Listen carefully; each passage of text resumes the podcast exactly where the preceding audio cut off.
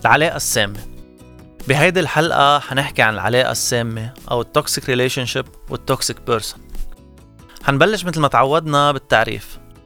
العلاقة السامة هي مثل المخدرات بتأدمن عليها وصعب جدا تطلع منها بالرغم من كل شي سلبي وبشع بتعيشه. لأن العلاقة السامة تقوم على التقلب ما بين الإهانة والحنان. فالشخص ال toxic بيكون بنفس العلاقة عم يهينك بكل فرصة وعم يأذيك وعم يتعبك نفسيا. وبنفس الوقت بتلاقيه ولا أحن منه.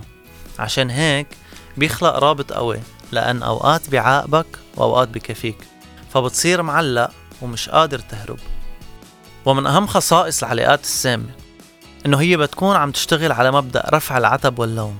يعني أنا رح أجي عشان ما يزعل. أنا رح رد عليه تمن تقاتل ما رح شارعه تما يعصب وهالقصص يعني. فمن أهم الإشارات اللي بتأكد لك إنك أنت بعلاقة سامة أول شي هو التهديد الدائم بالانفصال. مش على كل مشكل أو مشكلة صارت أو بدها تصير بده يهدد الشريك بالانفصال.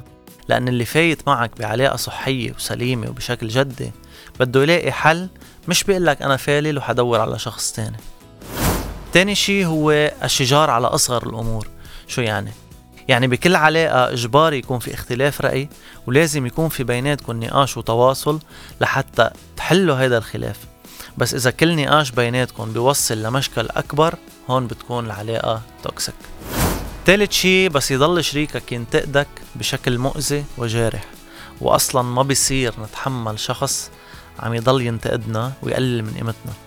وعند كل صفة بده يقول لك إياها فبصير يقول لك هيدا شو اللبس؟ هيدي شو القعدة؟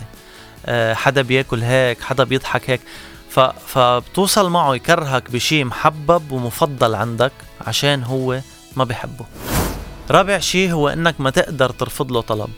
أهم شي بالعلاقة إنك ما تنسى حالك وما تضحي بكل شي كرمال الشريك يتقبلك أو يوافق عليك. الأصح إنك أنت تضحي بطرف وهو يضحي بطرف. لتوصلوا لنقطة تفاهم متوسطة بيناتكم.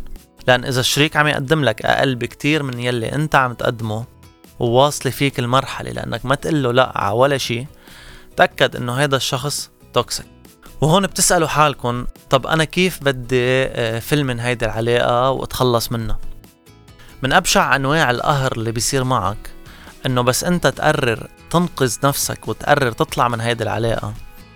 هذا الشخص التوكسيك ما بيخليك لأن بيصير يحسسك بالذنب. فبصير يقول لك ما تتركني وأنا لمين بدي أبقى بعدك وهالقصص. فأنت الشخص الطيب بيخلق عندك شعور بالذنب وبتبطل تفل. ومعقول بنفس الوقت يحسسك إنه أنت من بعدي مين بده يطلع فيك مين بده يعبرك وللأسف مع الوقت منصير نصدق هول الأشياء. عشان هيك دايما خلوا ميزان الحسنات والسيئات موجود لتشوفوا إنه السيئات أكتر.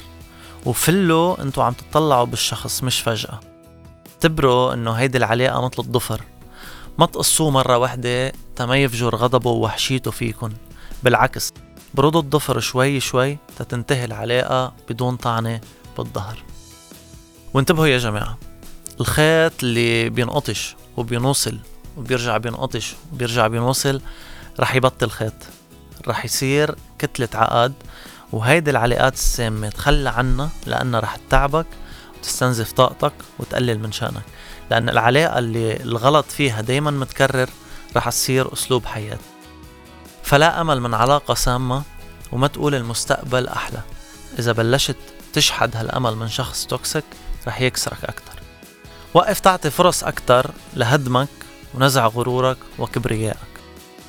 ولأن أنا قطعت بهيك تجربة رح خبركن شو كان يصير معي بس كنت مع بنت قطعت كل مراحل الشخص ال toxic لدرجة حسستني إنه أنا أدنى منها. دايما كان لبسي ما يعجبها حديثي ما يعجبها حتى ضحكتي كانت تعلق عليها. وهيدا كله النقد كان بطريقة مؤذية وجارحة. مع هيدا كله كانت كل حياتي ملخبطة نفسيا صحيا معنويا واللي بدكن إياه. دايما راسي مشغول فيها أو كيف بدي حافظ عليها. دايما نفسيتي تعبانة وعم قاتل دبان وجهي. وكل مرة تكون ظاهرة هي وأصحابها كون أنا برا المشروع تبعها. صرت حس آخر الشي إنه هي مستحية فيي. وهيدا أكبر أنواع الظلم والقهر النفسي اللي ممكن تحسه. لما شخص بتحبه وبدك تحافظ عليه يعاملك وكأنك عبد عنده. يشتريك بأسلوبه وبسواد قلبه. وأخيرا آه مثل العادة شاركوني رأيكم وجاوبوني على هالسؤال أو جاوبوا بينكم وبين حالكم. شي مرة كنتوا أنتو ال toxic person بالعلاقة؟ إذا إيه بتندموا إنكم أذيتوا أشخاص قطعوا بحياتكم وتغيرتوا أو بعدكم مستمرين بنفس الأسلوب؟